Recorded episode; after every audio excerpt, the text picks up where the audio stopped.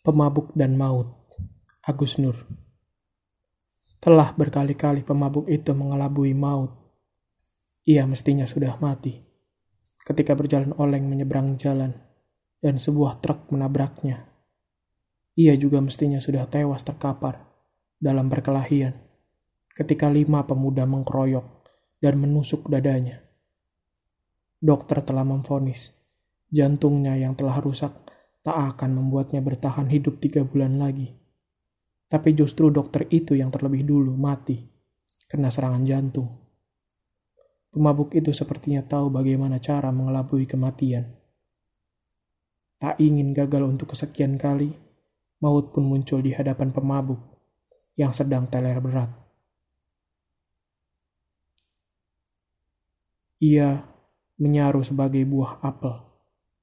Maut paham bila ia muncul dengan sosoknya yang menyeramkan, berjubah merah, dan membawa tombak bulan sabit, pasti pemabuk itu segera mengenali. Bahkan mungkin akan mengecohnya untuk kesekian kali.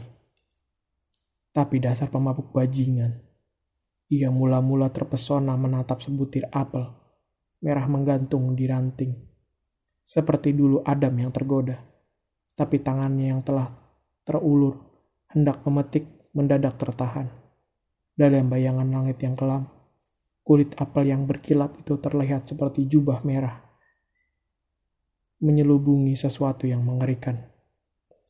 Seperti jubah maut, batik, batin pemabuk.